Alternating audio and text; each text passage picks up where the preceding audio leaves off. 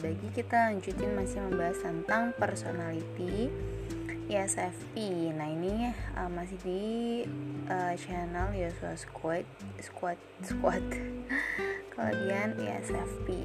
Mari dengarkan.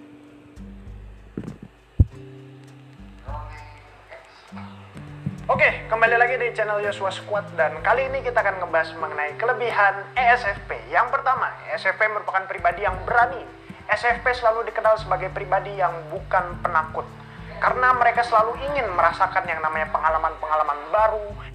Itu benar banget. Uh, kita tuh memang pribadi yang berani, uh, berani untuk mengalami pengalaman-pengalaman baru dan uh, disebutkan juga kalau dalam explanation di seksi personality kalau uh, si apa namanya entertainer ini dia berani keluar dari comfort zone-nya dibandingkan dengan kepribadian lainnya.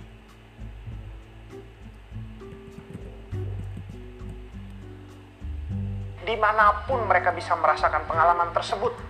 Dan oleh karena itu, yang namanya SFP mereka tidak takut untuk keluar daripada zona nyaman mereka ketika orang lain biasanya takut untuk keluar dari zona nyaman mereka. Tapi ESFP tidak takut. Itulah kehebatan ESFP. Lalu yang kedua, SFP merupakan pribadi yang original.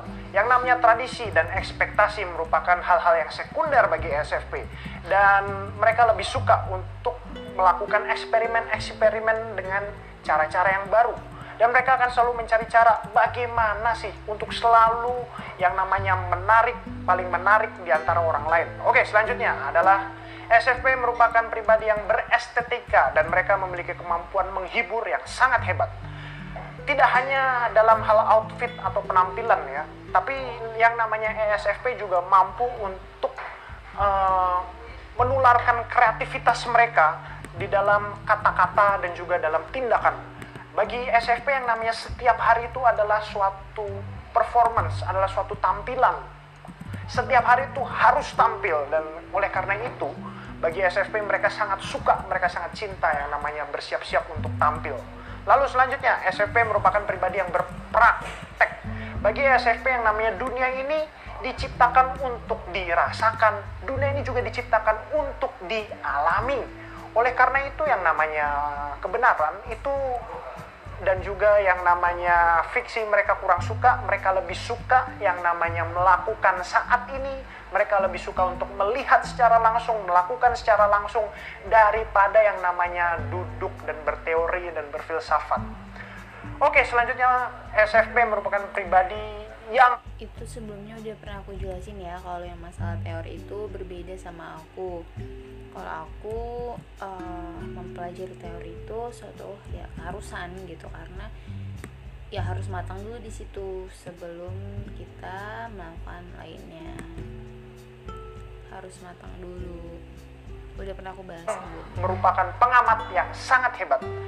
Karena mereka memiliki fokus saat ini sekarang ini dan mereka sangat berfokus dalam melakukan hal-hal yang mereka sedang kerjakan saat ini maka masuk akal dong kalau SFP itu merupakan pribadi yang memiliki kemampuan pengamatan yang hebat. Mereka memiliki kemampuan natural yang sangat alamiah dalam mengamati perubahan-perubahan dan juga yang namanya mengamati yaitu hal-hal yang bisa dirasakan melalui panca indera.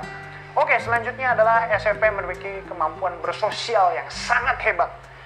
Karena yang namanya SFP mereka sangat cinta, sangat suka yang namanya memberikan perhatian kepada orang lain mereka selalu aktif dalam pembicaraan mereka. Mereka juga lucu, humoris, dan juga mereka tidak pernah yang namanya kehabisan topik pembicaraan.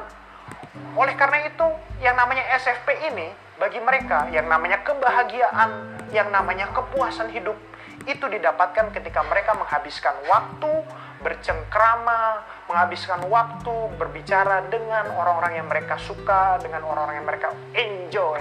Oke, itulah kelebihan ESFP. Terima kasih. Nah, itu ya kelebihan dari SFP. Nanti kita akan bahas lagi. Nih, coba ini ini aku belum pernah dengerin dari uh, Coach Taylor tapi nah, nanti ya karena aku mau ngerjain jurnal dulu